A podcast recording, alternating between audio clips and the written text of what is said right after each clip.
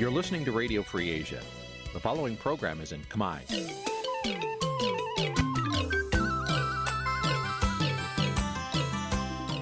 នេះជាកម្មវិធីផ្សាយ Vuthu Azizi Serai នេះជាកម្មវិធីផ្សាយរបស់ Vuthu Azizi Serai ជាភាសាខ្មែរ Vuthu Azizi Serai សូមស្វាគមន៍លោកអ្នកនាងទាំងអស់ពីរដ្ឋធានី Washington នៃសហរដ្ឋអាមេរិក បាទខ្ញុំបាទយ៉ងច័ន្ទដារាសូមជម្រាបសួរលោកអ្នកនាងអ្នកស្ដាប់ Vuthu Azizi Serai ទាំងអស់ជាទីមេត្រីខ្ញុំបាទសូមជូនកម្មវិធីផ្សាយសម្រាប់ព្រឹកថ្ងៃសៅរ៍7រោចខែភទ្របទឆ្នាំខាលចត្វាស័កពុទ្ធសករាជ2566ត្រូវនឹងថ្ងៃទី17ខែកញ្ញា គ្រិស្តសករាជ2022បាទថ្ងៃនេះត្រូវជាថ្ងៃកាន់បិណ្ឌទី7 ជាដំបូងនេះសូមអញ្ជើញអស់លោកអ្នកនាងស្ដាប់ព័ត៌មានប្រចាំថ្ងៃ ដែលមានមេត្តាដូចតទៅ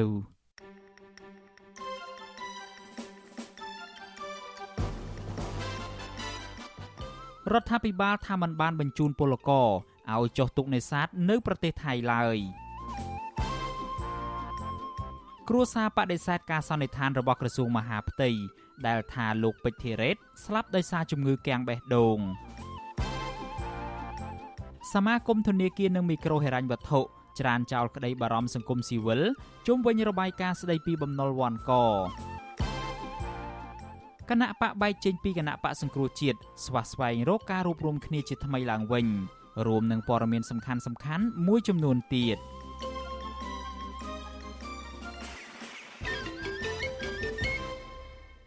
បាទជាបន្តទៅទៀតនេះខ្ញុំបាទយ៉ងច័ន្ទដារាសូមជូនព័ត៌មានទាំងនេះពិស្ដា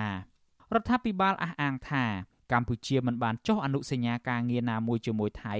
ដើម្បីបញ្ជូនពលករខ្មែរឲ្យទៅធ្វើការនេសាទនៅក្នុងសមុទ្រថៃនោះទេការលើកឡើងនេះធ្វើឡើងក្រោយពេលដែលសង្គមស៊ីវិលមើលឃើញថា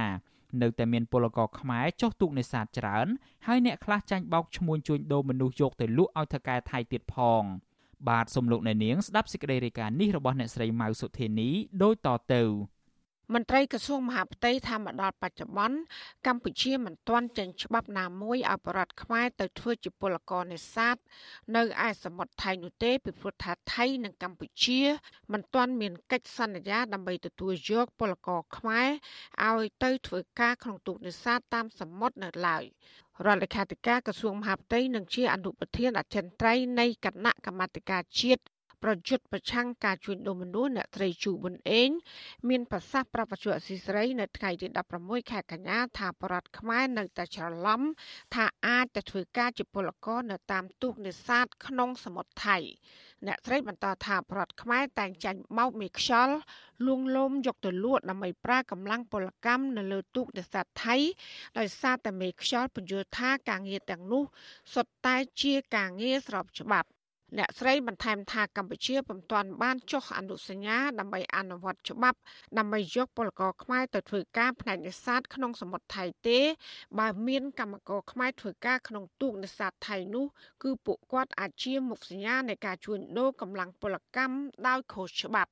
អ្នកស្រីជុំប៊ុនអេងថាកម្ពុជាកំពុងតែអនុវត្តផែនការជួញដូរកម្លាំងពលកម្មប្រជាប្រដ្ឋខ្មែរទៅក្រៅប្រទេសជាពិសេសគឺនៅប្រទេសថៃ។ យើងចង់ឲ្យមានគេហៅកិច្ចសហការរវាងរដ្ឋាភិបាលរដ្ឋាភិបាលដើម្បីពិនិត្យឡើងវិញនៅគោលការណ៍ដែលប្រើប្រាស់ពលករតាមទូកនេសាទហ្នឹងចឹងគេកំពុងតែនិយាយភាសាពីរឿងថាតើត្រូវធ្វើគោលការណ៍យ៉ាងម៉េចប៉ុន្តែខាងប្រទេសថៃគាត់កំពុងតែត្រូវការពលករអញ្ចឹងគាត់ចាប់ផ្ដើមផ្ដល់គេហៅថាការអនុញ្ញាតឲ្យចុះទូកចុះអីអញ្ចឹងហ្នឹងដែលយើងអត់ទាន់បានឯកភាពគ្នាទេ ផ្ទុយពីការលើកឡើងនេះមន្ត្រីគម្រោងនៃមជ្ឈមណ្ឌលសម្ព័ន្ធភាពការងារនិងសិទ្ធិមនុស្សនៃអង្គការសង្ត្រាល់ប្រចាំនៅប្រទេសថៃលោកលឹងសុផុនអះអាងថានៅមានពលករខ្មែរធ្វើការនៅតាមទូកនេសាទនៅសមុទ្រថៃហើយភ្នាក់ច្រើននៃពលករទាំងនោះ គឺថាកែតម្រូវឲ្យធ្វើឯកសារសម្គាល់ខ្លួនដើម្បីបានធ្វើការងារក្នុងទូកនេសាទលោកបន្តថាពលករនេសាទបច្ចុប្បន្នត្រូវបានរដ្ឋាភិបាលថៃកំណត់ច្បាប់ការងារនេសាទរបស់ពួកគេ ដោយតម្រូវឲ្យមានការត្រួតពិនិត្យចំនួនកម្មករពេលដែលចោះទូកនេសាទនិងពេលត្រឡប់មកពីនេសាទវិញ។ អ្នកខាងពាណិជ្ជកម្មនេសាទចុះទុកនោះគឺត្រូវឲ្យកូនឈ្នួលដែលយើងជួលយកមកធ្វើការនៅលើទុកនោះគឺឲ្យត្រូវតាមច្បាប់មិនថាគាត់ជាជនជាតិសាសនាទេថ្មីថ្មីនេះឃើញបងប្អូនពលករមួយចំនួនដែលគាត់ចុះនេសាទហ្នឹងដែលខ្ញុំបានជួបគាត់ផ្ទាល់គាត់ថាឥឡូវហ្នឹងគេមានផ្នែកគេហៅ PIPO PIPO ហ្នឹងគឺអ្នកត្រួតពិនិត្យចុះទូកឡើងទូកចឹងហ៎បង របាយការណ៍របស់អង្គការ ILO ឲ្យដឹងថាកាលពីឆ្នាំ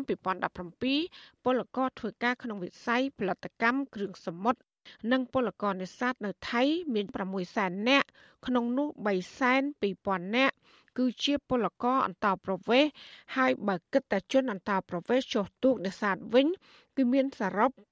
57000នាក់ដែលបានបម្រើការងារលើទូកចំនួន1055 ជុំវិញបញ្ហានេះដែរពលករនីធ្វើការជាអ្នកត្បាញមងនេសាទនៅឯខេត្តសមុទ្រសខនដែលមានស្រុកកំណើតនៅខេត្តព្រៃវែងលោកស្រីឈិនសុខាប្រាប់ថាប្តីលោកស្រីគឺជាកម្មករនេសាទហើយពេលដែលចុះទូកទៅនេសាទម្ដងម្ដង គឺត្រូវប្រើពេលពី2ទៅ3ថ្ងៃទៅត្រឡប់មកវិញ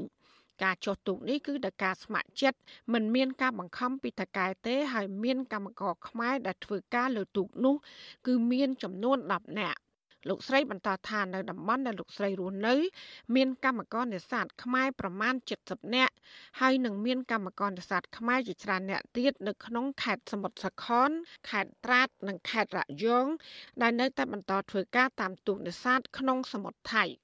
ចានេះឆាតតាបងអត់អត់អីផងបងសុខស្រួលសុខសប្បាយល្អចាអត់អីទេនឹងយើងចិត្តនៅខ្លួនឯងស្រួលមិនពិបាកមិនមានអ្នកប្រកបប្រខំអីផងចាអត់មានអ្នកធ្វើអំពើហិង្សាអីទេអូពីថ្ងៃមកពីថ្ងៃមកចាចេញចិត្តមកមិនមិនជ្រៅពេកទឹកមិនជ្រៅទេមកមកមកគេអនុញ្ញាតឲ្យធ្វើការនេសាទបានណាបង ធនាគារពិភពលោករាយការណ៍ថាប្រទេសថៃ មានចំនួនកម្មករចំណាក់ស្រុកខ្ពស់ជាងគេក្នុងតំបន់អាស៊ីគឺសរុបជិត4លាននាក់កាលពីឆ្នាំ2015ក្នុងនោះ53%មកពីប្រទេសភូមា26%មកពីប្រទេសឡាវនិង21%មកពីប្រទេសកម្ពុជា ចំណែកអតិនន័យរបស់រដ្ឋាភិបាលថៃវិញ បង្ហាញថាកម្មករចំណាក់ស្រុកកម្ពុជាឡាវនិងភូមាដែលបានចុះឈ្មោះរួចរាល់គិតត្រឹមខែវិច្ឆិកាឆ្នាំ2017គឺមានចំនួន7លាននាក់ក្នុងនោះជិត50000នាក់ចុះឈ្មោះធ្វើការនៅក្នុងឧស្សាហកម្មនេសាទចាននាងខ្ញុំម៉ៃសុធានីវិទ្យុអាស៊ីស្រីប្រធានាធិបតី Washington លោកនៅនាងជាទីមេត្រី តកតងទៅនឹងបញ្ហាពលករខ្មែរធ្វើការនៅលើទូកនេសាទប្រទេសថៃនេះដែរ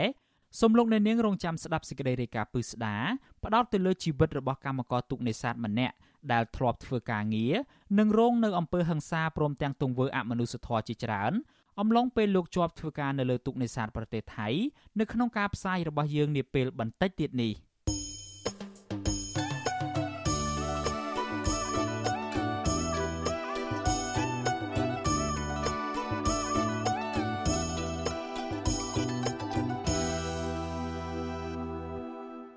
លោកអ្នកនាងកំពុងស្ដាប់ការផ្សាយរបស់ Vuthu Azizi Serai ពីរដ្ឋធានី Washington នៃសហរដ្ឋអាមេរិកសមត្ថកិច្ចក្រសួងមហាផ្ទៃបានចេញលទ្ធផលស៊ើបអង្កេត ដោយសន្និដ្ឋានថាលោកពេជ្រធីរ៉េតដែលប៉ូលីសស្រុកសង្កែចាប់ឃុំខ្លួនសួរចម្លើយកាលពីដើមឆ្នាំ2021នោះបានស្លាប់ដោយសារកាំងបេះដូងពុំមានជាប់ពាក់ព័ន្ធនឹងអំពើទារុណកម្មទេក៏ប៉ុន្តែសាច់ញាតិជនរងគ្រោះចាត់ទុកលទ្ធផលនេះថាផ្ទុយពីការពិតជាក់ស្ដែងដែលមិនអាចជឿជាក់បានឡើយ។ បាទលោកសេកបណ្ឌិតរាយការណ៍ព័ត៌មាននេះសាច់ញាតិរបស់ជនរងគ្រោះច្រានចោលចំពោះលទ្ធផលស៊ើបអង្កេតរបស់អគ្គស្នងការដ្ឋាននគរបាលជាតិដោយចាត់ទុកលទ្ធផលនេះថាមិនឆ្លុះបញ្ចាំងពីការពិត និងមិនអាចទទួលយកបានឡើយបងស្រីបង្កើតរបស់ជនរងគ្រោះគឺលោកស្រីពេជ្រលីណាប្រាប់ពទ្យុអាស៊ីសេរីនៅថ្ងៃទី16ខែកញ្ញាថា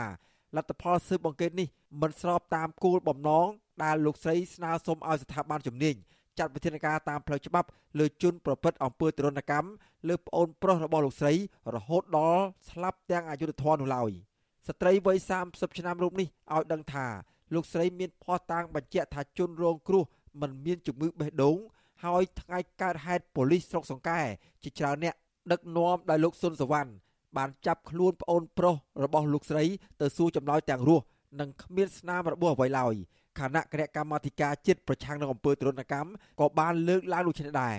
ក៏ប៉ុន្តែលោកស្រីយល់ថាលទ្ធផលស្រាវជ្រាវរបស់អគ្គស្នងការដ្ឋាននគរបាលជាតិដែលទទួលបានពីការបំភ្លឺរបស់សមាជិកនិងសាកសីកន្លងមកនេះគឺមិនត្រឹមត្រូវនិងមិនស៊ីសង្វាក់គ្នាទៅនឹងស្នាមរបួសជាក់ស្ដែងនៅលើសាកសពជនរងគ្រោះដែលសង្ស័យថាត្រូវប៉ូលីសឆក់នឹងខ្សែភ្លើង និងប្រើទារុណកម្មនៅអធិការដ្ឋាននគរបាលសុកសង្កែ លោកស្រីស្នើសុំឲ្យស្ថាប័នពាក់ព័ន្ធជួយពន្លឿនចេញលទ្ធផលស៊ើបអង្កេតចុងក្រោយ ដោយឯករាជ្យនិងត្រឹមត្រូវដើម្បីផ្ដល់យុត្តិធម៌ដល់ជនរងគ្រោះ។ សមត្ថកិច្ចស្រុកចង្កែដឹកនាំឲ្យលោកអធិការសុនសវណ្ណយកជនសង្ស័យប្អូនខ្ញុំទៅសួរចម្លើយទាំងរស់គ្មានសាកស្នាមតែ3ម៉ោងហើយដឹកសាកសពប្អូនមកប្អូនខ្ញុំត្រឡប់មកវិញបូករួមនឹងស្លាកស្នាមសេរុនកម្មនៅលើខ្លួនពីជើងរហូតដល់ក្បាលហើយរហូតដល់ឥឡូវចេញរបាយការណ៍មកជួមកខាងក្រសួងមហាផ្ទៃថាប្អូនខ្ញុំស្លាប់មិនមានការធ្វើសេរុនកម្មហើយប្អូនខ្ញុំស្លាប់ដោយសារគ្រឿងញៀនគឺខ្ញុំអត់អាចទទួលយកទេនៅលទ្ធផលនេះខ្ញុំអត់ទទួលយកទេ ប្រតិកម្មនេះបន្ទាប់ពីអគ្គស្នងការដ្ឋាននគរបាលជាតិកាលពីថ្ងៃទី25ខែកក្កដា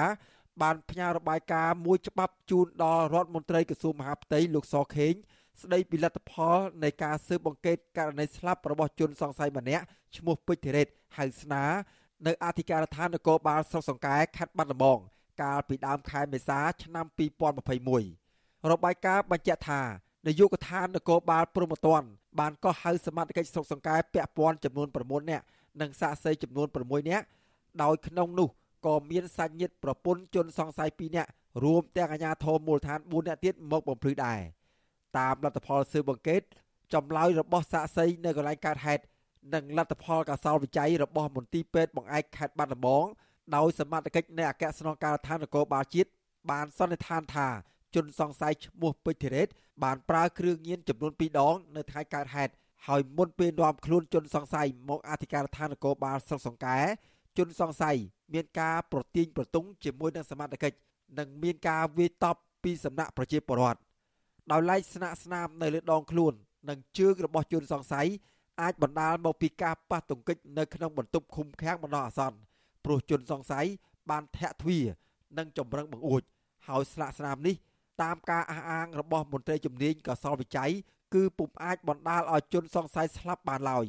ដូច្នេះក្នុងរបាយការណ៍នេះអះអាងថាជនសង្ស័យឈ្មោះពេជ្រធីរ៉េតស្លាប់ដោយសារកាំងបេះដូងដោយពុំជាប់ពាក់ព័ន្ធនឹងអំពើទរណកម្មនោះទេជុំវិញរឿងនេះប្រធានគណៈកម្មាធិការជាតិប្រឆាំងទរណកម្មលោកនុតសាអានប្រាប់បទសុអសីស្រីថាសំណុំរឿងនេះនឹងបញ្ជូនមកគណៈកម្មាធិការជាតិប្រឆាំងនឹងទរណកម្មវិញប៉ុន្តែរហូតមកទល់នឹងពេលនេះ ខាងលោកនៅមិនទាន់ទទួលបានរបាយការណ៍ស៊ើបអង្កេតតាក់ទងការស្លាប់របស់ជនសង្ស័យឈ្មោះពេជ្រធីរ៉េតពីអគ្គស្នងការដ្ឋាននគរបាលជាតិនៅឡើយទេគិតត្រឹមថ្ងៃទី16ខែកញ្ញាលោកបញ្ជាក់ថាតាមនីតិវិធីប្រសិនបើការស៊ើបអង្កេតឃើញលទ្ធផលផ្សេងគ្នាមន្ត្រីមានសមត្ថកិច្ចទាំងពីរស្ថាប័នត្រូវជួបពិភាក្សាដើម្បីស្វែងរកមូលហេតុនិងចេញសេចក្តីសន្និដ្ឋានជាចុងក្រោយកាលណាបានរបាយការណ៍មកខ្ញុំនឹងណាត់ជួបគ្នាព្រៀបព្រៀបនឹងឯង ទៅយូរទេវត្តសុអាស៊ីសេរីនៅពុំទាន់អាចតាក់ទងអ្នកនាំពាក្យស្នងការដ្ឋាននគរបាលជាតិលោកឆៃកឹមខឿនដើម្បីបញ្ជាក់ជុំវិញរឿងនេះបាននៅឡើយទេ នៅថ្ងៃទី16ខែកញ្ញាដោយទូរស័ព្ទចូលតែពុំមានអ្នកទទួលមកទួលនឹងពីនេះសំណុំរឿងនៃការស្លាប់របស់បរិសឈ្មោះពេជ្រធីរ៉េតដែលសង្ស័យថាប៉ូលីសស្រុកសង្កែជាអ្នកធ្វើទរណកម្មនោះបានអូសបន្លាយពេលជាង1ឆ្នាំមកហើយប៉ុន្តែនៅមិនទាន់មានយុទ្ធធរសម្រាប់គ្រួសារជនរងគ្រោះនោះទេ បើទោះបីជាគណៈកម្មាធិការជាតិប្រឆាំងទរណកម្មបានរកឃើញជាជំហានដំបូងថាប៉ូលីសស្រុកសង្កែពិតជាមានពាក់ព័ន្ធនឹងការធ្វើទរណកម្មនេះពិតមែនក្តីជុំវិញរឿងនេះមន្ត្រីសម្របសម្រួលសមាគមការពារសិទ្ធិមនុស្សអាត6ប្រចាំខេត្តបាត់ដំបងលោកយិនមេលីថ្លែងថាកន្លងមក មន្ត្រីគណៈកម្មាធិការជាតិប្រឆាំងទរណកម្មធ្លាប់ឲ្យដឹងថាសមត្ថកិច្ចពុំមានរបាយការណ៍ណាមួយមកបញ្ជាក់ថាការស្លាប់របស់លោកពេជ្រធីរ៉េតដែលកាំងបេះដូង ដោយសារប្រាថ្នាញៀនហួសកម្រិតនោះទេគណៈគណៈកម្មាធិការនេះក៏បានលើកឡើងនៅក្នុងរបាយការណ៍ដែរថាសំណុំរឿងនេះអាចមានអំពើទរណកម្មតិចឬក៏ច្រើនដូច្នេះលោកសង្កេតឃើញថារបាយការណ៍រវាងគណៈកម្មាធិការជាតិប្រឆាំងទរណកម្មនិងអគ្គស្នងការដ្ឋាននគរបាលជាតិរកឃើញផ្ទុយគ្នា លោកយិនមេលីយល់ថាគ្រួសារជនរងគ្រោះនឹងយល់ច្បាស់អំពីលទ្ធផលស៊ើបអង្កេតរបស់ស្ថាប័នទាំងពីរនេះទោះយ៉ាងណាលោកក៏សម្គាល់ឃើញថា ដំណើរការស៊ើបអង្កេតសំណុំរឿងនេះធ្វើឡើងយឺតយ៉ាវដែលនាំឲ្យគ្រួសារជនរងគ្រោះនិងប្រជាពលរដ្ឋនិងបាត់បង់ជំនឿលើការអនុវត្តច្បាប់របស់សមត្ថកិច្ចទោះបីជាការអង្កេតតឹងលទ្ធផលវិជ្ជមានក្តីអវិជ្ជមានក្តីបញ្ចេញរបាយការណ៍ទៅជូនរបាយការណ៍នឹងទៅក្រមគ្រួសារទៅហើយបើសិនជាក្រមគ្រួសារគាត់មិនទុកចិត្ត គាត់មិនពេញចិត្តគាត់មាននីតិវិធីមួយទៀតគាត់ប្តឹងចូលទៅតុលាការទៅហេតុអីបានជារឿងនឹងវាអស់បន្លាយយូរម៉េះអាត្រង់នេះឲ្យដៃធ្វើឲ្យប្រជាពលរដ្ឋគាត់ហាក់បីដូចជាអស់ទឹកចិត្តនេះនេះបងស្រីបង្កើតរបស់ជនរងគ្រោះឬក៏ជនជាប់សង្ស័យនឹងគាត់ដើរគ្រប់ស្ថាប័នគាត់ដេញដោលសាកសួរផងរហូតទៅដល់មានការប៉ះពាក្យសម្ដីផងទើបបានលទ្ធផលប៉ុណ្ណឹងកាលពីថ្ងៃទី3ខែមេសាឆ្នាំ2021បរិមម្នាក់ឈ្មោះពេជ្រធីរ៉េតអាយុ31ឆ្នាំ មានមុខរបរជាជាងផ្សារដែករស់នៅក្នុងភូមិកោះពោឃុំអូដំបងមួយស្រុកសង្កែបានស្លាប់បាត់បង់ជីវិតក្នុងពេលប៉ូលីសចាប់ឃុំខ្លួនសួរចម្លើយនៅក្នុងអធិការដ្ឋាននគរបាលស្រុកសង្កែអស់រយៈពេលជាង3ម៉ោងពាក់ព័ន្ធនឹងការសង្ស័យថាគាត់រីខ្សែភ្លើងអគិសនីដើម្បីឆក់សម្លាប់ប្រពន្ធនៅក្នុងផ្ទះដោយសារភ្លើងប្រច័ណ្ឌ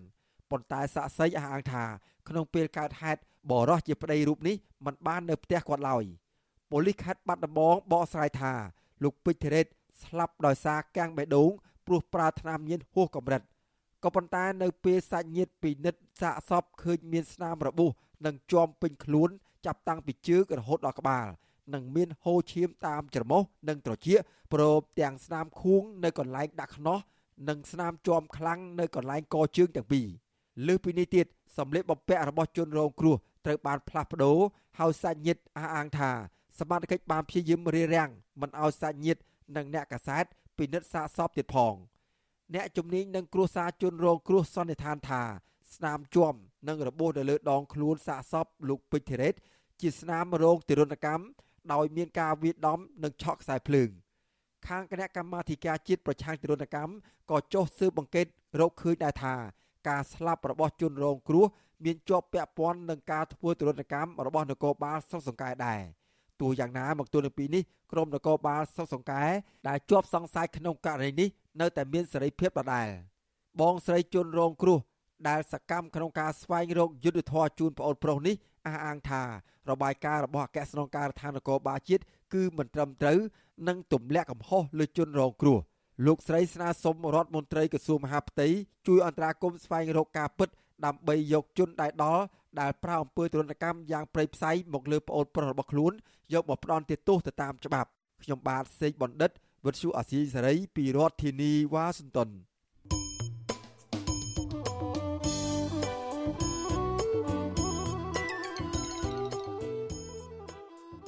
លោកអ្នកនាងជាទីមេត្រីដំណើរគ្នានឹងស្ដាប់ការផ្សាយវិទ្យុអាស៊ីសេរីតាមបណ្ដាញសង្គម Facebook និង YouTube លោកអ្នកនាងក៏អាចស្ដាប់កម្មវិធីផ្សាយរបស់ Vuthu Azizi Serai តាមរលក ធាតុអាកាសខ្លីឬ Shortwave តាមកម្រិតនិងកម្ពស់ដូចតទៅនេះពេលព្រឹកចាប់ពីម៉ោង5កន្លះដល់ម៉ោង6កន្លះតាមរយៈរលក ធាតុអាកាសខ្លី12140 kHz ស្មើនឹងកម្ពស់ 25m និង13715 kHz ស្មើនឹងកម្ពស់ 22m ពេលយប់ចាប់ពីម៉ោង7កន្លះដល់ម៉ោង8កន្លះតាមរយៈរលក ធាតុអាកាសខ្លី 9960 kHz ស្មើនឹងកម្ពស់ 30m 12140 kHz ស្មើនឹងកម្ពស់ 25m និង11885 kHz ស្មើនឹងកម្ពស់ 25m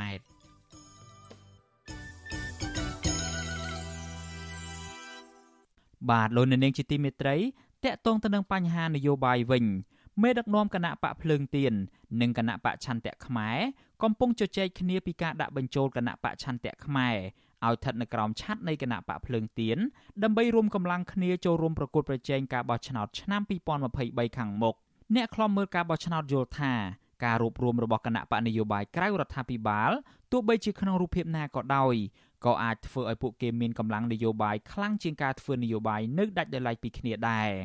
បាទលោកថាថៃរាយការណ៍ព័ត៌មាននេះបើទោះបីជាគម្រោងរួមបញ្ចូលគ្នានៃគណៈបកឆន្ទៈខ្មែរនិងគណៈបកភ្លឹងទៀនស្ថិតក្នុងការជជែកគ្នានៅឡើយប៉ុន្តែគណៈបកទាំងពីរហាក់បង្ហាញចំហកាន់តែខិតជិតគ្នាដោយគណៈបកឆន្ទៈខ្មែរចង់ចូលរួមធ្វើនយោបាយក្រមស្លាកគណៈបកភ្លឹងទៀនទោះជាយ៉ាងណាគណៈបកទាំងពីរនេះត្រូវការពេលវេលាជជែកគ្នាបន្ថែមទៀតពីរូបមន្តនៃការរួមបញ្ចូលគ្នានេះប្រធានគណៈបកឆន្ទៈខ្មែរលោកគង់ម៉ូនីកាយល់ថា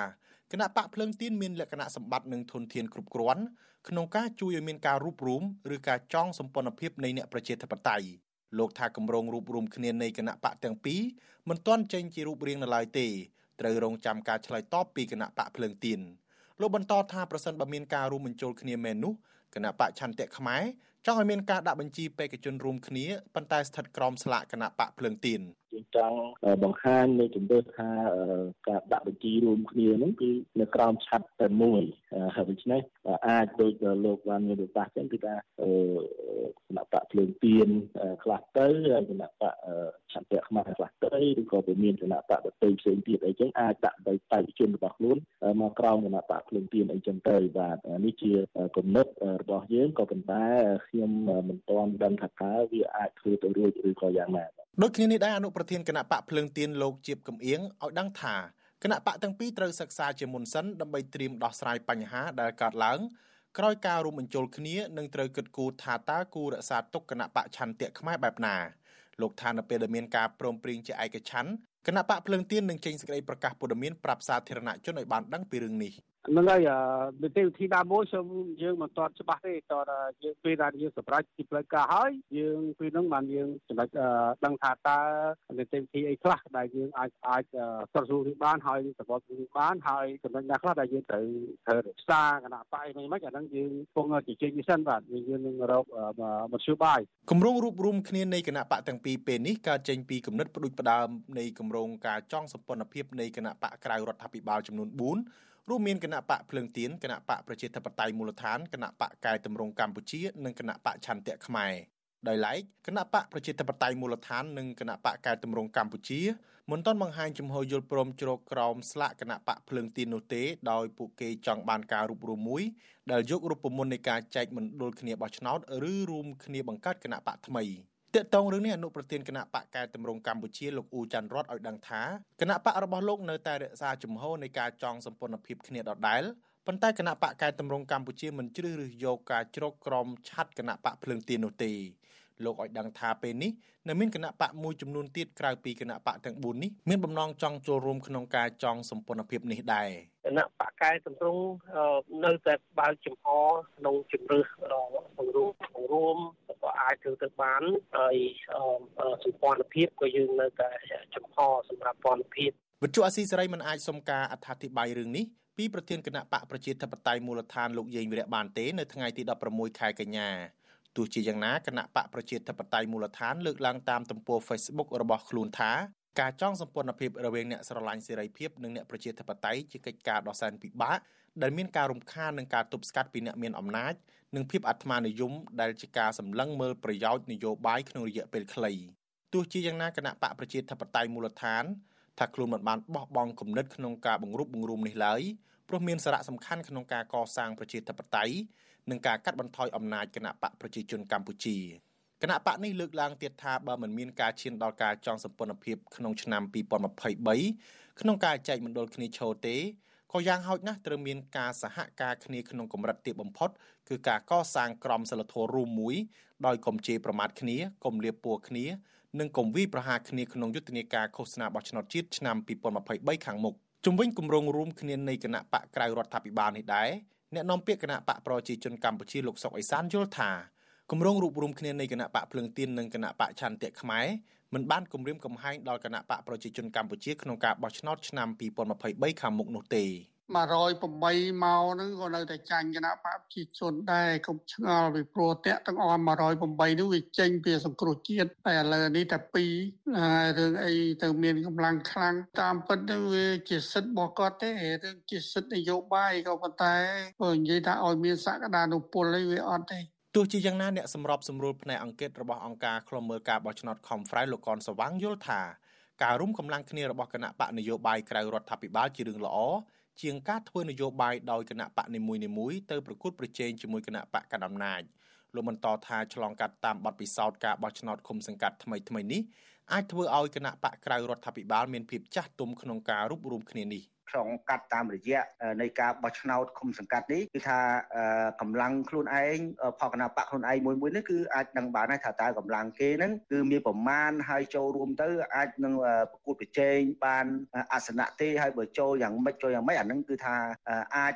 អាចដឹងបានហើយនៅក្នុង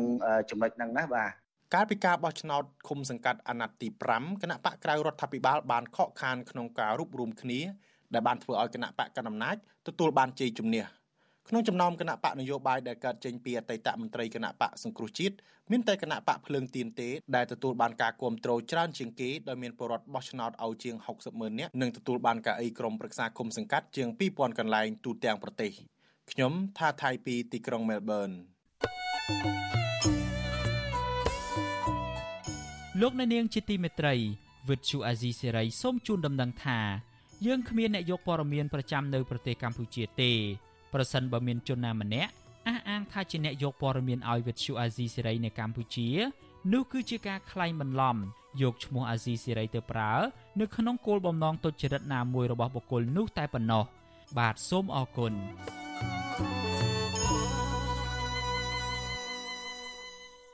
បាទលោកនៅនាងជាទីមេត្រីតកតងទៅនឹងបញ្ហាកុមារឯនេះវិញ ការវិដំឡៃស្ដីពីផែនការសកម្មភាពទប់ស្កាត់អំពើហិង្សាលើកុមារនៅកម្ពុជា បង្ហាញពីវឌ្ឍនភាពនៅក្នុងផ្នែកមួយចំនួនក៏ប៉ុន្តែនៅមានកិច្ចការងារជាច្រើនទៀតដែលត្រូវបន្តធ្វើហើយចាំបាច់ត្រូវប្រមូលភស្តុតាងបន្ថែមទៀតអំពីផលប៉ះពាល់នានាដល់កុមារនេះបើតាមការអះអាងរបស់រដ្ឋមន្ត្រីក្រសួងសង្គមគិច្ចអតីតយុទ្ធជននិងយុវនីតិសម្បទាលោកវងសោតសេចក្តីប្រកាសព័ត៌មានរួមរបស់ក្រសួងសង្គមគិច្ចនិងអង្គការ UNICEF ចេញផ្សាយកាលពីថ្ងៃទី16ខែកញ្ញាឲ្យដឹងថាការវាយតម្លៃនេះធ្វើឡើងដើម្បីពិនិត្យមើលអំពីវឌ្ឍនភាពសំខាន់សំខាន់នៅក្នុងរយៈពេល5ឆ្នាំកន្លងទៅនេះតាក់ទងទៅនឹងការអនុវត្តផែនការសកម្មភាព ដើម្បីទប់ស្កាត់និងឆ្លើយតបចំពោះអំពើហិង្សាលើកុមារចន្លោះពីឆ្នាំ2017ដល់ឆ្នាំ2021លោកវងសោតអះអាងថា កម្ពុជានឹងបន្តកិច្ចខិតខំប្រឹងប្រែងឲ្យកាន់តែសកម្មថែមទៀតនៅក្នុងការធានាថាកុមារមានសុវត្ថិភាពនៅគ្រប់ទីកន្លែងដូចជានៅផ្ទះសាលារៀននិងក្នុងសហគមន៍ជាដើមលោកបន្តថារដ្ឋាភិបាលបានបដិញ្ញាធានាឲ្យបានថាកុមារទាំងអស់នឹងរស់នៅក្នុងបរិយាកាសមួយប្រកបទៅដោយភាពអំណោយផលដល់ការលូតលាស់ទទួលបានការចិញ្ចឹមបីបាច់ថែរក្សា និងកិច្ចការពារនានាសម្ដៅបញ្ចប់ឲ្យបានអំពើហិង្សាលើកុមារគ្រប់ទម្រង់និងសម្រេចឲ្យបាននូវការបដិញ្ញាចិត្តរបស់កម្ពុជានៅក្នុងក្របខ័ណ្ឌតំបន់និងសកល តាមរយៈការអនុវត្តផែនការនិងគោលនយោបាយជាតិនានាដែលបានដាក់ចេញនាយិកាអង្គការ UNICEF ប្រចាំកម្ពុជា អ្នកស្រី Foro for UZ មានប្រសាសន៍ថាអំពើហិង្សាលើកុមារមានផលប៉ះពាល់យ៉ាងធ្ងន់ធ្ងរដែលមិនត្រឹមតែប៉ះពាល់ដល់ជីវិតបុគ្គលប៉ុណ្ណោះទេ ក៏ប៉ុន្តែថែមទាំងអាចបំផ្លាញសហគមន៍ទាំងមូលនិងមនុស្សចំនួនក្រោយថែមទៀតផងអ្នកស្រីបន្តថាការបញ្ចប់សេចក្តីព្រាងច្បាប់ស្តីពីកិច្ចការពារកុមារនាពេលខាងមុខការបង្កើនកម្មវិធីសុខុមាលភាពសង្គមនិងកម្មវិធីទប់ស្កាត់នានា មានសារៈសំខាន់ណាស់សម្រាប់សុវត្ថិភាពកុមារនិងបញ្ចប់អំពើហិង្សា ដែលបង្កផលប៉ះពាល់ដល់គ្រួសារយ៉ាងច្រើនរាប់មិនអស់ តួលេខចុងក្រោយពីការអង្កេតប្រជាសាស្ត្រនិងសុខភាពកម្ពុជាឆ្នាំ2022បង្ហាញថាកុមារចំនួន43%ត្រូវបានគេដាក់វិន័យនៅក្នុងផ្ទះដោយប្រើអំពើហិង្សាលើរូបរាងកាយរបាយការណ៍ដដែលបញ្ជាក់ថាកត្តាសំខាន់មួយនៅក្នុងវឌ្ឍនភាពរបស់ផែនការនេះគឺឆន្ទៈនយោបាយយ៉ាងរឹងមាំនិងការចូលរួមរបស់រដ្ឋាភិបាលនៅថ្នាក់ជាតិនិងថ្នាក់ក្រោមជាតិរួមសហការជាមួយដៃគូអភិវឌ្ឍជាច្រើន រួមទាំងអង្គការ UNICEF ផងដែរ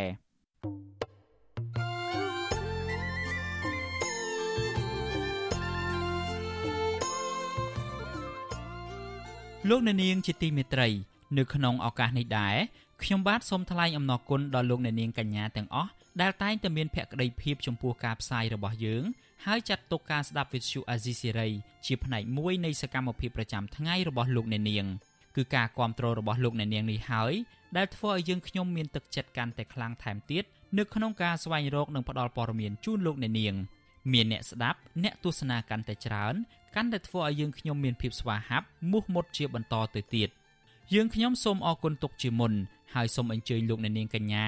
ចូលរួមជំរុញឲ្យសកម្មភាពផ្តល់ព័ត៌មានរបស់យើងនេះឲ្យកាន់តែជោគជ័យបន្ថែមទៀតលោកអ្នកនាងអាចជួយយើងខ្ញុំបានដោយគ្រាន់តែចុចចែករំលែកឬ Share ការផ្សាយរបស់យើងនៅលើបណ្ដាញសង្គម Facebook និង YouTube ទៅកាន់មិត្តភ័ក្តិដើម្បីឲ្យការផ្សាយរបស់យើងបានទៅដល់មនុស្សកាន់តែច្រើន បាទសូមអរគុណ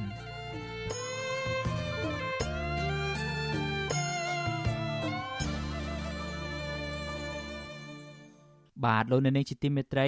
យើងងាកមកមើលបញ្ហាពាក់ព័ន្ធនឹងបំណុលរបស់ប្រជាពលរដ្ឋឯនេះវិញប្រជាពលរដ្ឋដែលបានខ្ចីប្រាក់ពីស្ថាប័នផ្ដល់ប្រាក់កម្ចីលើកឡើងថាពួកគាត់ត្រូវលក់ដីនិងផ្ទះដោយសារការបង្ខិតបង្ខំព្រោះតែជាប់បំណុលវ័នក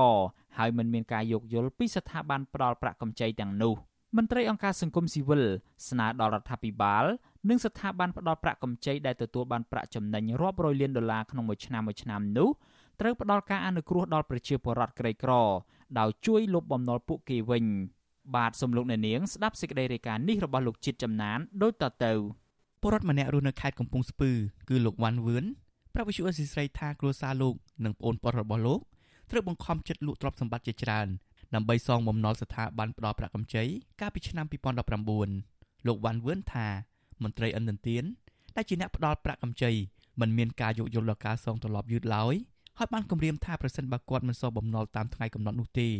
នោះគេនឹងលក់ដីដែលបានដាក់តម្កល់ក្នុងតម្លៃឡៃឡុងដូចនេះលោកបានលក់គោនិងខ្ចីប្រាក់ឯកជនដែលមានការប្រាក់ខ្ពស់បន្ថែមដើម្បីសងបំណុលឲ្យទាន់ពេលវេលាវាយើងយល់យ៉ាងប៉ុណ្ណាគេអាចខានផ្ដល់ពេលវេលាឲ្យយើងរយៈពេលមួយអាទិត្យនឹងយ៉ាងយូរប្រហែលបងត្រង់ថ្ងៃទី10ហើយដល់គេមកយើងអត់ យើងសួរថាខ្ញុំអត់មានលុយទេឥឡូវគេកំណត់ថាអ្នកឯងដល់ថ្ងៃនេះខ្ចីពីណាក៏ដោយឬក៏ធ្វើអីក៏ដោយត្រូវបានខ្ញុំមិនបានទេប្លង់ដីហ្នឹងគេនឹងវេយកលុកឡាយឡងអីណានៃផ្សេងអញ្ចឹងហើយបើអញ្ចឹងពួកខ្ញុំខ្លាចដែរក៏ចេះដើរយកលុយគេឯកជននៅចិត្តចិត្តនឹងទៅដើម្បីធ្វើម៉េចឲ្យបានដល់ថ្ងៃកំណត់គេនឹងបានលុយបងឲ្យគេទៅបីការប្រាក់ពោះយ៉ាងណាក៏ដោយក៏ទ្រាំមករួចរយៈពេលនឹងដែរដោយសារមានការគេជំរាបយកប្លង់លុកឡាយឡងអីចឹងណា លោកវ៉ាន់វិនបន្ថែមថាមូលហេតុដែលធ្វើឲ្យលោកមិនមានលទ្ធភាពសងប្រាក់ទាន់ពេលវេលាគឺដោយសារតែគ្រួសាររបស់លោកបានចាញ់បោកក្រុមហ៊ុនលក់ថ្នាំបំពន់សុខភាពមួយហើយលោកថាគ្រួសាររបស់លោកបានកាត់បន្ថយចំណាយលើម្ហូបអាហារនិងមិនដែលទិញសម្លៀកបំពាក់ថ្មីស្លៀកពាក់នោះទេពេលគ្មានប្រាក់គ្រប់គ្រាន់ដើម្បីសងបំណុលជាមួយគ្នានេះលោកថាគ្រួសារប្អូនប្រុសរបស់លោកដែលលោកបានរួមគ្នាខ្ចីប្រាក់នោះបានបែកបាក់គ្នារហូតមកដល់សប្តាហ៍ថ្ងៃដោយសារតែបំណុលវ៉ាន់ក ហើយលោកនិងប្អូនប្រុសរបស់លោកសម្រាប់ចិត្តលក់ដីក្នុងតម្លៃទាបដើម្បីសងបំណុលដល់ពេលលោកដីនឹងបញ្ញាបត្រនឹងដីនឹងអ្នកកម្ចីឯកជននឹងពីមកចម្រៀងយកមកសាទៀតពីជន់លើជន់ហ្នឹងបើយើងដោះស្រាយឲ្យគេមិនបានអាខាងនេះក៏គេរឹបឯកជននឹងគេរឹបអញ្ចឹងដីវាតម្លៃត្រូវតែលក់បាន20000ឬក៏ជិត20000ហ្នឹងអាចនៅជិតតែ10000ជាងជួយអញ្ចឹងហ្នឹងស្រដៀងគ្នានេះដែរពលរដ្ឋម្នាក់ទៀតរស់នៅខេត្តបន្ទាយមានជ័យ គឺលោកស្រីព្រឿនឆយប្រាប់វិសុអេស៊ីសរ៉ៃថាគ្រួសាររបស់លោកស្រីត្រូវបង្ខំចិត្តលក់ដីពីកន្លែងដើម្បីសងបំណុលដល់ស្ថាប័នផ្ដល់ប្រាក់កម្ចីកាលពីឆ្នាំ2018លោកស្រីបន្ថែមថាគ្រួសាររបស់លោកស្រីបានជំពាក់បំណុលវ៉ាន់កដោយបានខ្ចីប្រាក់ឯកជននិងស្ថាប័នផ្ដល់ប្រាក់កម្ចីផ្សេងៗគ្នាដើម្បីសងបំណុលទៅវិញទៅមកហើយគ្រួសាររបស់លោកស្រីត្រូវបង្ខំចិត្តលក់ដីជាបន្តបន្ទាប់ដើម្បីសងបំណុលព្រោះបើសិនជាមិនសងស្ថាប័នផ្ដល់ប្រាក់កម្ចីទាំងនោះនឹងពិន័យការប្រាក់បន្ថែម ហើយមកដល់បច្ចុប្បន្ននេះលោកស្រីគ្មានដីដើម្បីធ្វើលំនៅឋានស្នាក់នៅនោះទេដោយត្រូវសង់ខ្ទមស្នាក់នៅលើដីចំការជាមួយគ្នានេះលោកស្រីថាកូនច្បងរបស់លោកស្រីត្រូវបង្ខំចិត្តឲ្យបញ្ឈប់ការសិក្សាត្រឹមថ្នាក់ទី6ដោយសារតែជីវភាពគ្រួសារខ្វះខាតនិងជាប់បំណុលធនាគារអង្គការលីកាដូនិងអង្គការសមត្ថៈកម្ពុជារួមជាមួយនឹងអង្គការ FIAN នៃប្រទេសអាល្លឺម៉ង់បានចេញសេចក្តីថ្លែងការណ៍មួយអំពីលទ្ធផលនៃការសិក្សាស្រាវជ្រាវមួយក្រុមចំណងជើងថាមីក្រូហិរញ្ញវត្ថុនៅកម្ពុជា ការអភិវឌ្ឍ បញ្ហាប្រឈមនិងអនុសាសន៍កាលពីថ្ងៃទី14ខែកញ្ញានៅក្នុងសេចក្តីថ្លែងការណ៍បង្ហាញថាប្រជាពលរដ្ឋខ្មែរជាង110,000នាក់កំពុងលក់ដីដើម្បីបង់សងកម្ចីអន្តទានក្នុងរយៈពេល5ឆ្នាំចុងក្រោយនេះរបាយការណ៍នេះក៏បង្ហាញដែរថាអ្នកខ្ចីប្រាក់ជាច្រើនបានរងគ្រោះពីការរំលោភសិទ្ធិមនុស្សហើយពួកគេទាំងនោះជាញឹកញាប់ត្រូវកាត់បន្ថយការបរិភោគនិងបញ្ឈប់ការសិក្សារបស់កូនកូនហើយបង្ខំឲ្យទៅធ្វើការរកប្រាក់មកសងបំណុលធនាគារជុំវិញរឿងនេះដែរ នាយកទទួលបន្ទុកកិច្ចការទូតនៃអង្គការលីកាដូលោកអំសំអាតប្រាប់វិសុអសិសរីថាការគម្រាមកំហែងការបំផិតបំភ័យពីសំណាក់មន្ត្រីផ្ដាល់ប្រាក់កម្ចីដើម្បីឲ្យកូនបំណុលលក់ទ្រព្យសម្បត្តិផ្ទាល់ខ្លួនសងបំណុលគឺជាការរំលោភសិទ្ធិធ្ងន់ធ្ងរលោកអំសមត្ថបន្ថែមថាតាមរយៈការចេញសេចក្តីថ្លែងការណ៍របស់អង្គការសង្គមស៊ីវិលគឺមិនមានគោលបំណងដើម្បីបង្ខូចគេស្ថាប័នមីក្រូហិរញ្ញវត្ថុនោះទេផ្ទុយទៅវិញគឺជាការផ្ដល់យោបល់ឲ្យមានការកែលម្អដល់មុខមាត់ស្ថាប័នមីក្រូហិរញ្ញវត្ថុ និងរដ្ឋាភិបាលកម្ពុជាដើម្បីឲ្យបញ្ជាកុំឲ្យមានការរំលោភសិទ្ធិមនុស្សបន្តទៀតនៅក្នុងដំណើរការផ្ដល់ប្រាក់កម្ចីទោះជាយ៉ាងណាលោកអំសំអាតនៅតែអះអាងថាការគិតការប្រាក់18%ប្រចាំឆ្នាំវានៅតែខ្ពស់សម្រាប់ការផ្ដល់ប្រាក់កម្ចីព្រោះកម្ចីទាំងនោះបានបុកបន្ថែមសេវាផ្សេងផ្សេងទៀតយើងសង្កេតឃើញថាអត្រាការប្រាក់18%ហ្នឹងវាមិនមែនផលប្រយោជន៍ដែលទទួលបានទៅលើអតិថិជនឬក៏កូនបំណុលហ្នឹងទាំងស្រុងដោយសារតែ 18%ហ្នឹងគឺបូកបញ្ចូលទាំងសេវារដ្ឋបាលហើយនឹងគិតការរួមឧទាហរណ៍ថាកម្ចី5000ហើយអាចសេវារដ្ឋបាល200 300បន្ថែមទៀតបូកបញ្ចូលទៅគិតការទាំងសេវារដ្ឋបាលចឹងហើយបានជាអង្គការសង្គមស៊ីវិលយើងទទូចថាសូមឲ្យកំកិតការទាំងសេវារដ្ឋបាលដែលពួកគាត់អត់បានទទួលឆ្លើយតបនឹងបញ្ហានេះដែរអ្នកនាំពាក្យសមាគមមីក្រូហិរញ្ញវត្ថុកម្ពុជាលោកកាំងតុងងីប្រាប់វិសុអសិសរីថា សេចក្តីថ្លែងការណ៍របស់អង្គការសង្គមស៊ីវិលទាំងនេះមិនបានឆ្លុះបញ្ចាំងពីរបាយការណ៍ទាំងមូលនោះទេលោកកាំងតុងងីថាប្រជាពលរដ្ឋដែលបានលក់ដីទាំងនោះមិនមែនលក់ដោយសារតែបង្ខិតបង្ខំទាំងអស់នោះទេដោយសារតែពួកគាត់ខ្លះលក់ដីដោយសារតែចង់បដូរទីលំនៅឬលក់ដោយសារតែចង់បានទុនរកស៊ីបន្ថែមទៀតទោះជាយ៉ាងណាលោកកាំងតុងងីទទួលស្គាល់ថាមន្ត្រីស្ថាប័នហិរញ្ញវត្ថុខ្លះបានអនុវត្តខុសក្រមសីលធម៌ហើយសមាគមមីក្រូហិរញ្ញវត្ថុក៏កំពុងបង្កើនវគ្គបណ្ដុះបណ្ដាលក្រមសីលធម៌វិជ្ជាជីវៈដល់មន្ត្រីអន្តរជាតិទាំងនោះដែរ ជាមួយគ្នានេះលោកកាំងតុងងីលើកឡើងថាស្ថាប័នមីក្រូហិរញ្ញវត្ថុចាត់ទុកអតិថិជនខ្ចីប្រាក់គឺជាដៃគូអាជីវកម្មមិនមែនជាកូនបំណុលនោះទេ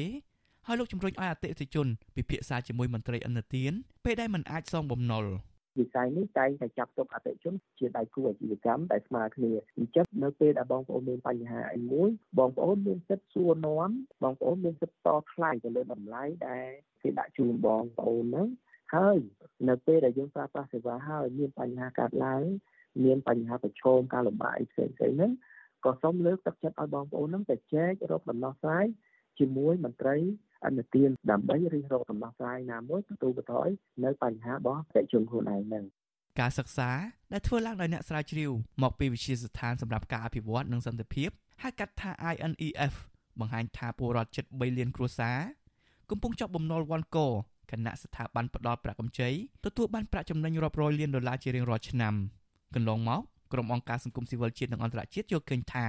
ស្ថាប័នផ្ដល់ប្រាក់កម្ចីបានរំលោភសិទ្ធិមនុស្សធ្ងន់ធ្ងរតាមរយៈការគំរាមកំហែងបង្ខិតបង្ខំឲ្យខ្ចីប្រាក់ពីឯកជន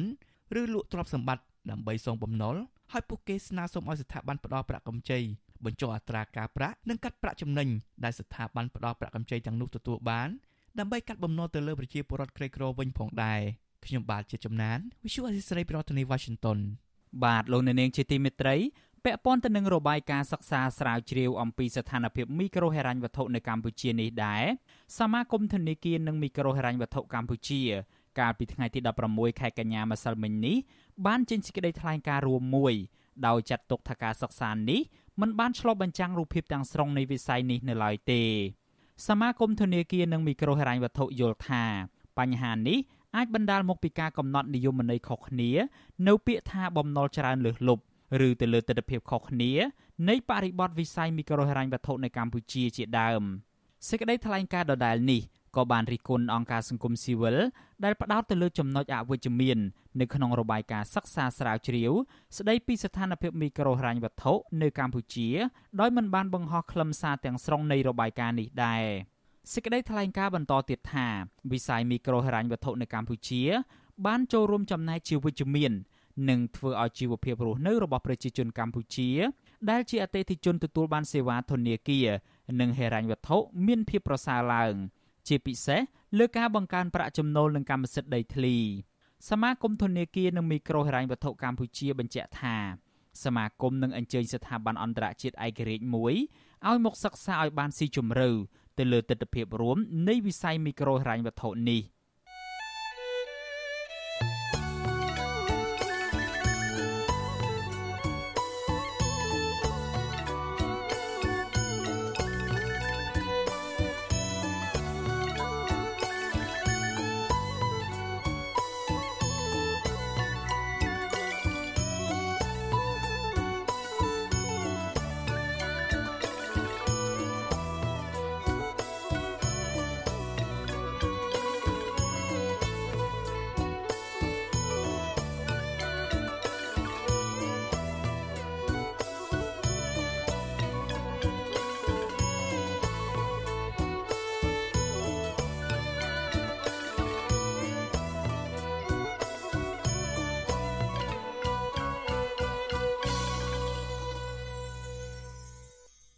លោកអ្នកនាងជាទីមេត្រីពលករខ្មែរម្នាក់ធ្វើការនៅលើទូកនេសាទនៅកណ្ដាលសមុទ្រប្រទេសថៃ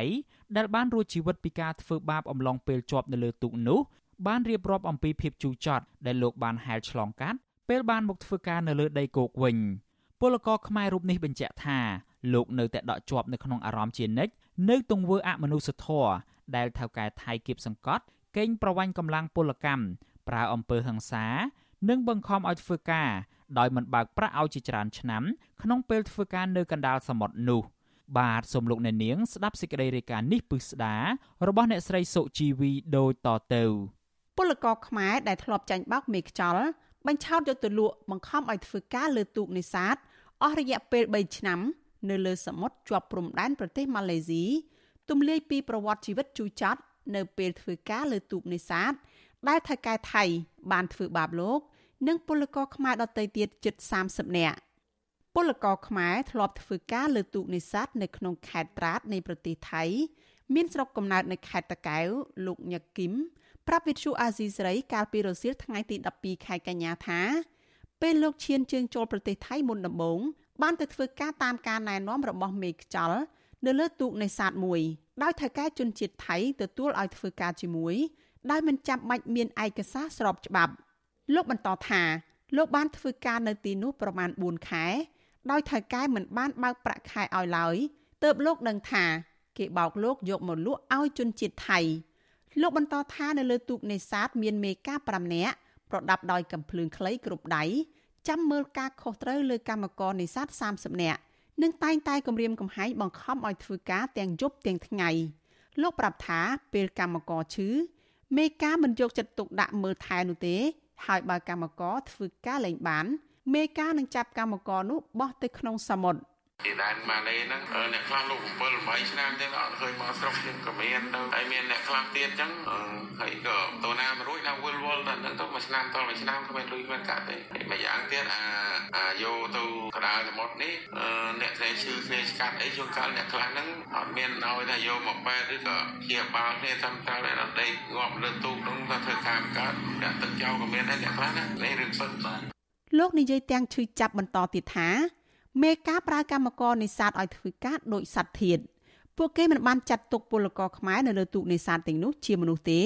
ពេលដែលគេខឹងម្ដងម្ដងគេគប់ដបអំបែងខ្ទាតមកលើកម្មករជាញឹកញយ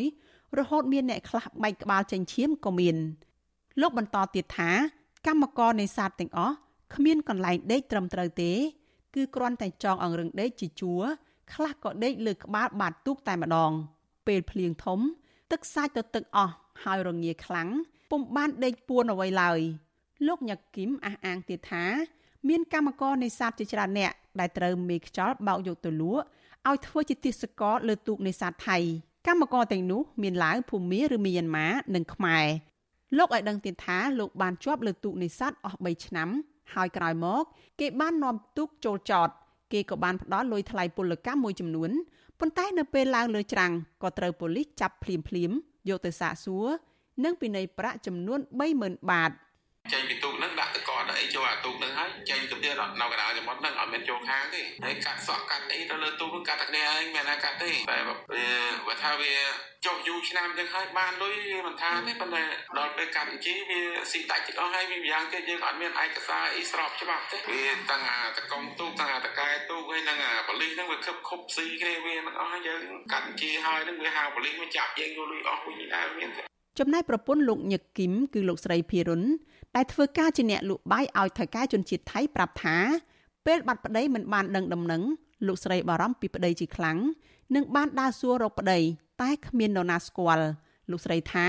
លោកស្រីចង់ទៅប្តឹងប៉ូលីសឲ្យជួយតាមរកប្តីតែមិនហ៊ានទៅ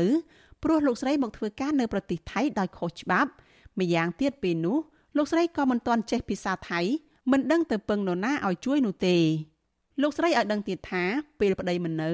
លោកស្រីខំធ្វើការរកលុយមកចិញ្ចឹមកូនប្រុសស្រីទាំងពីរទាំងលំបាកទើបក្រោយមក បានដឹងដំណឹងថាប្តីនៅរស់និងបានមកជួបលោកស្រីនិងកូន យើងកាលនោះយើងមកដំបងដំបងចឹងយើងមិនហ៊ានស៊ូរោគេទេយើងព្រោះយើងកាលនោះយើងគ្មានបាត់គ្មានអីចឹងយើងមិនហ៊ានស៊ូគេទេយើងខ្លាចជំរួតហើយជំរួតនោះរត់មួយមួយឲ្យគេដាញ់ចាប់ចុះពួននៅក្រោមផ្ទះក៏មានដែរក្រោមផ្ទះយើងនៅហ្នឹងផ្ទះក្តារហ្នឹងចុះពួនក៏មានដែរជំរួតវាមកចាប់ហើយយើងកូនទូចទៀតណាកូនយំផងថ្ងៃមួយនោះមកចាប់អញ្ចឹងកូនយើងយំដល់ពេលឃើញក្មេងក៏វាអាណិតដែរអញ្ចឹងវាហៅយើងឡើងមកឲ្យយកក្មេងវិញ តើតើបញ្ហានេះរដ្ឋលេខាធិការក្រសួងមហាផ្ទៃនិងជាអនុប្រធានអចិន្ត្រៃយ៍គណៈកម្មការជាតិប្រយុទ្ធប្រឆាំងការជួញដូរមនុស្សអ្នកស្រីជូប៊ុនអេងប្រាប់វិទ្យុអាស៊ីសេរីថាករណីប្រើកម្លាំងពលកម្មខ្មែរនៅលើទូកនេសាទថៃគឺមានច្រើនដោយការរាយការណ៍មែនហើយអ្នកស្រីថាខាងរដ្ឋាភិបាលបានចាត់វិធានការលើរឿងនេះហើយចំណែកពលករដែលរងគ្រោះពីការប្រើកម្លាំងពលកម្មទាំងបង្ខំពួកគេអាចដាក់ពាក្យប្តឹងមកអាជ្ញាធរ ដើម្បីងាយស្រួលសមត្ថកិច្ចចុះស៊ើបអង្កេតនិងបង្ក្រាបទាន់ពេលវេលា ពីប្រុសសួរគាត់សិនថាគាត់ទៅពីពេទ្យណាហើយអាការចុះទូគាត់នឹងតើចុះទៅរបៀបណាពីប្រុសកន្លងមកមិនមែនមានពេជ្រទេយើងចង់និយាយថាករណីនៅថៃនឹងច្រើនណាស់ពាក់ព័ន្ធជាមួយនឹងការចុះទូនៃសាដោយសារតែយើងអត់ទាន់មានគោលការណ៍ណាមួយដែលអនុញ្ញាតឲ្យមានពលករនាំទៅថៃដើម្បីធ្វើការងារនេសាទទេប៉ុន្តែឥឡូវហ្នឹងយើងក៏រកឃើញករណីជាច្រើនដែលមានគេហៅរងគ្រោះដោយសារតែការចុះទូនេសាទហ្នឹង ជុំវិញរឿងនេះដែរប្រធានផ្នែកប្រយុទ្ធប្រឆាំងការជួញដូរមនុស្សនិងទេសន្តប្រវេសរបស់អង្គការសង្ត្រាល់លោកឌីថេហូយ៉ាយល់ថាដើម្បីរារាំងការជួញដូរមនុស្សនិងការជួញដូរកម្លាំងពលករឆ្លងដែនខុសច្បាប់រដ្ឋាភិបាលត្រូវផ្សព្វផ្សាយចំណេះដឹងដល់ពលរដ្ឋខ្មែរឲ្យបានទូលំទូលាយជាងនេះជៀសវាងពលរដ្ឋខ្មែរធ្វើចំណាក់ស្រុកដែលខុសច្បាប់ទៅតាមការបញ្ចុះបញ្ចូលពីមេខ្ចលលោកបន្តថាកត្តាដែលបណ្ដាលឲ្យពលរដ្ឋធ្វើចំណាក់ស្រុកហើយចាញ់បោកមេខ្ចល គឺភ ieck ច្រើនពលរដ្ឋនៅតាមទីជនបទដែលខ្វះព័ត៌មានហើយមិនយល់ដឹងពីហានិភ័យនៃការធ្វើចំណាក់ស្រុកដោយខុសច្បាប់ ពលរដ្ឋដែលគាត់នៅតាមទីជនបទដែលខ្វះការងារធ្វើខ្វះប្រាក់ចំណូលมันមានប្រាក់ចំណូលហើយនឹងมันទទួលបានព័ត៌មានជាក់លាក់អំពីការធ្វើចំណាក់ស្រុកគេហៅថាក្រមនៃជនដែលចំណាក់ស្រុកប្រកបដោយភាពប្រថុយប្រឋានខ្ពស់តាមទីជនបទឬមួយក្រុមជនដែលនៅ បណ្ដុំស្រុកណាឃុំណាខេត្តណាដែលមានហៅមេខ្យល់ហ្នឹងការស្ទង់មតិបង្ហាញថា20%នៃកម្មករនិងប្រហែល50%នៃជនរងគ្រោះដោយសារតែការជួញដូរនៅក្នុងវិស័យនេសាទរបស់ថៃទទួលរងគ្រោះថ្នាក់ការងារប៉ុន្តែពួកគេមិនទទួលបានសំណងអ្វីឡើយធនាគារពិភពលោករាយការណ៍ថាប្រទេសថៃមានចំនួនកម្មករចំណាក់ស្រុកខ្ពស់ជាងគេនៅក្នុងតំបន់អាស៊ីអាគ្នេយ៍គឺជិត4លាននាក់នៅក្នុងឆ្នាំ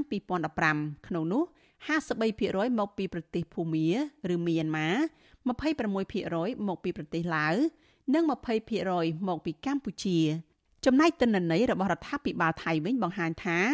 កម្មករចំណាក់ស្រុកកម្ពុជាឡាវនិងភូមាដែលបានចុះឈ្មោះរួចរាល់គិតត្រឹមខែវិច្ឆិកានៅក្នុងឆ្នាំ2017មានចំនួនជិត2លាននាក់ក្នុងនោះជិត50000នាក់ចុះឈ្មោះធ្វើការក្នុងឧស្សាហកម្មនេសាទរបាយការណ៍របស់ក្រសួងការងារកម្ពុជាឲ្យដឹងថា បច្ចុប្បន្នមានពលករខ្មែរជាង1លាន2សែននាក់កំពុងធ្វើការនៅប្រទេសថៃប៉ុន្តែរបាយការណ៍របស់អង្គការសង្ត្រាល់បង្ហាញថាពលករខ្មែរកំពុងធ្វើការដោយស្របច្បាប់និងមិនស្របច្បាប់នៅក្នុងប្រទេសថៃមានប្រមាណ2លាននាក់និងភាគច្រើនពួកគេកំពុងជួបបញ្ហាផ្នែកសេដ្ឋកិច្ចនាងខ្ញុំសុជីវីវិទ្យុអាស៊ីសេរីពីរដ្ឋធានី Washington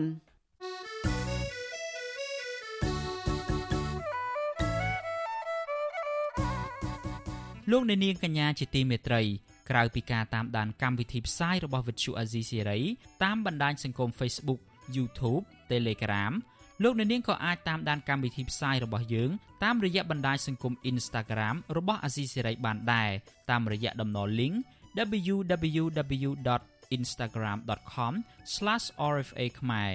អាស៊ីសេរីបន្តខិតខំផ្សព្វផ្សាយព័ត៌មានពិតទៅកាន់បងប្អូនតាមរយៈបណ្ដាញសង្គមផ្សេងៗនិងសម្បូរបែបដើម្បីឲ្យលោកអ្នកនាងងាយស្រួលតាមដានកម្មវិធីផ្សាយរបស់យើងគ្រប់ពេលវេលា និងគ្រប់ទីកន្លែងតាមរយៈទូរស័ព្ទរបស់លោកអ្នកបាទសូមអរគុណ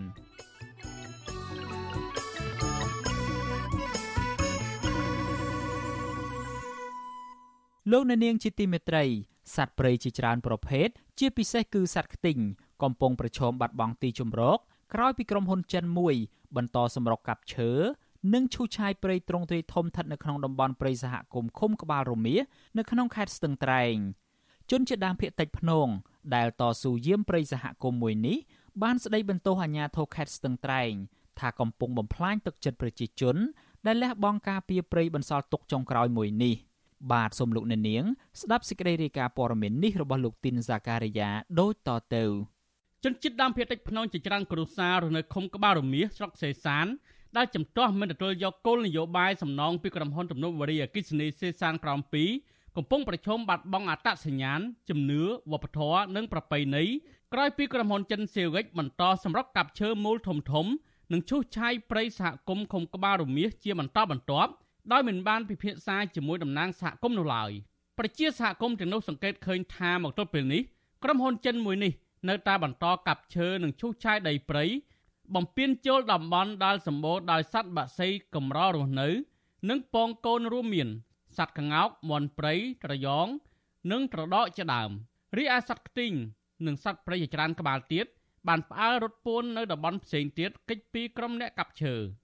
តំណាងសហគមន៍ឃុំក្បាលរមៀសលោកស្រីស្រាំងឡាញ់ចាត់ទុកសកម្មភាពបំផ្លាញព្រៃទាំងនេះថាជាការសម្លាប់ជីវិតសត្វព្រៃកម្រ និងជីវភាពរស់នៅរបស់ជនជាតិដើមភាគតិចដែលយាមព្រៃអភិរក្សនេះជាច្រើនឆ្នាំមកហើយគ្រឿងចាក់យ៉ាងហោចណាស់3គ្រឿងនិងកម្មករកាប់ឈើរាប់សិបនាក់ប្រដាប់ដល់រណាយន្តកំពុងតែបន្តបំផ្លាញដើមឈើធំធំរួមមានផ្ចឹករាំង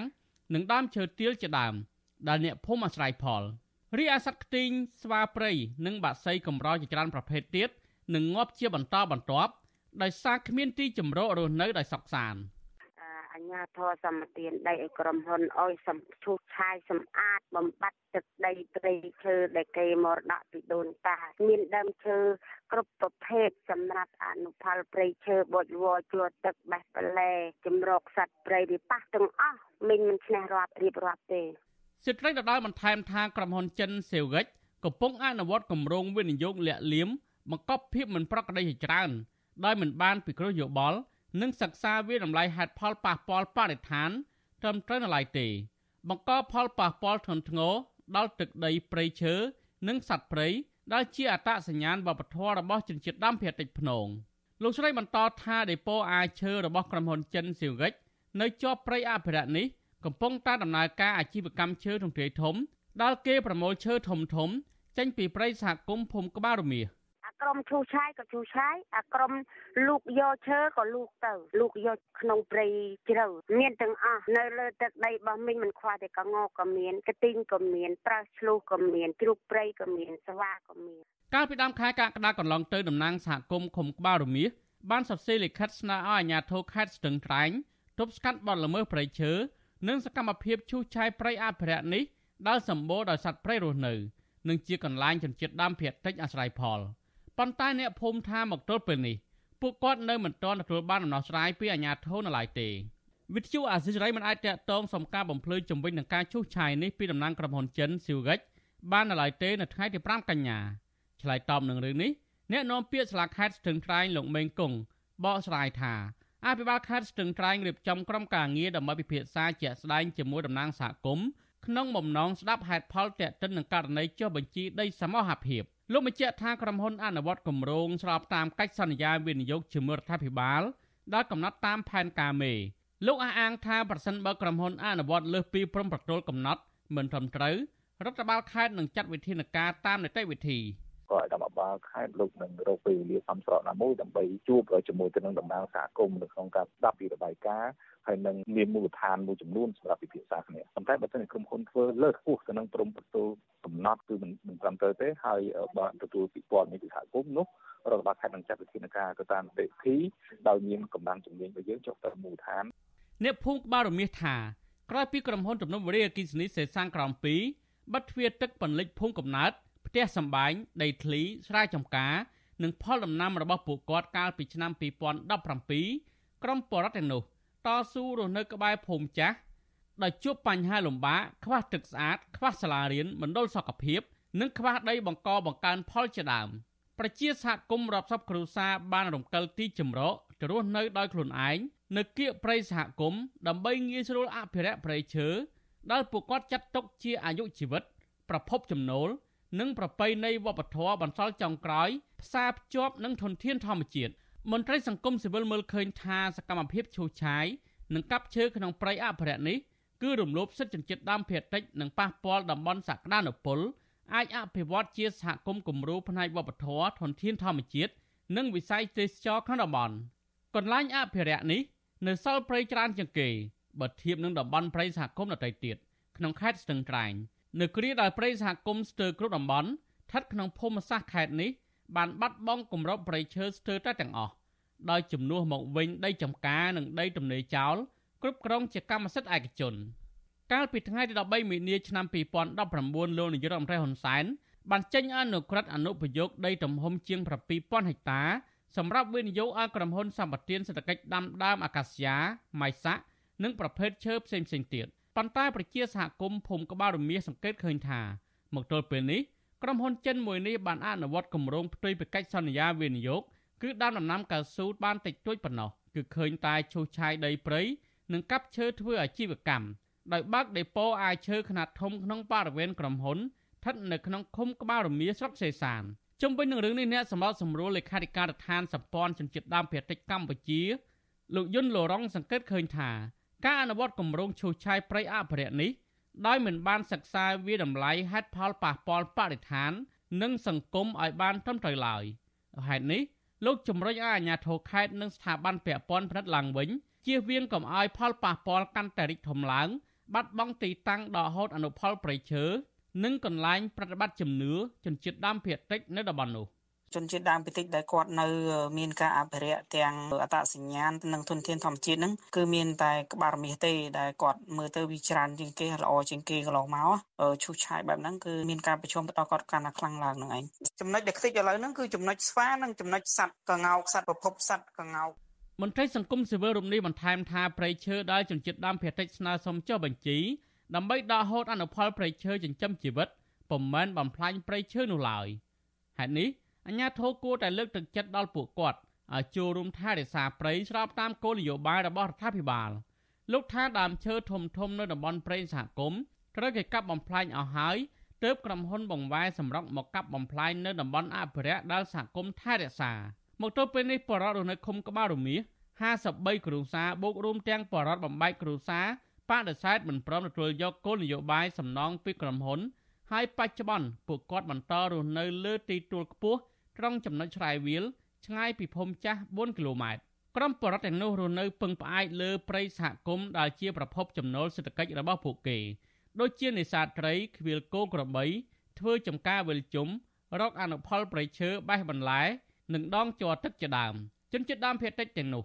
មិនទទួលបានសំណងពីក្រុមហ៊ុនដោយសារតែស្ដាយស្រណោះព្រៃប្រឹក្សាគេដូនតា និងចង់ការពារព្រៃឲ្យនៅគង់វង្សដើម្បីអនាគតកូនចៅជំនាន់ក្រោយ ខ្ញុំបាទធីនសាការីយ៉ាអសិសរីប្រធានីវ៉ាស៊ីនតោន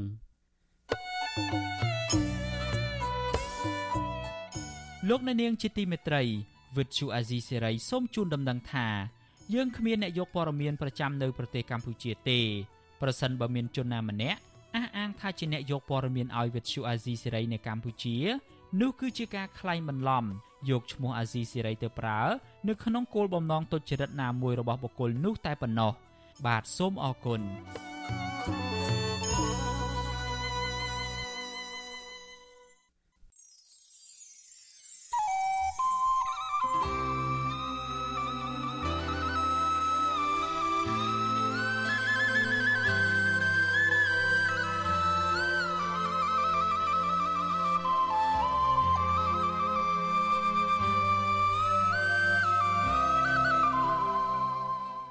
លោកអ្នកនាងជាទីមេត្រីការផ្សាយរយៈពេល1ម៉ោងរបស់ Vuthu Azizi Serai នៅព្រឹកនេះចប់ត្រឹមតែប៉ុណ្ណេះ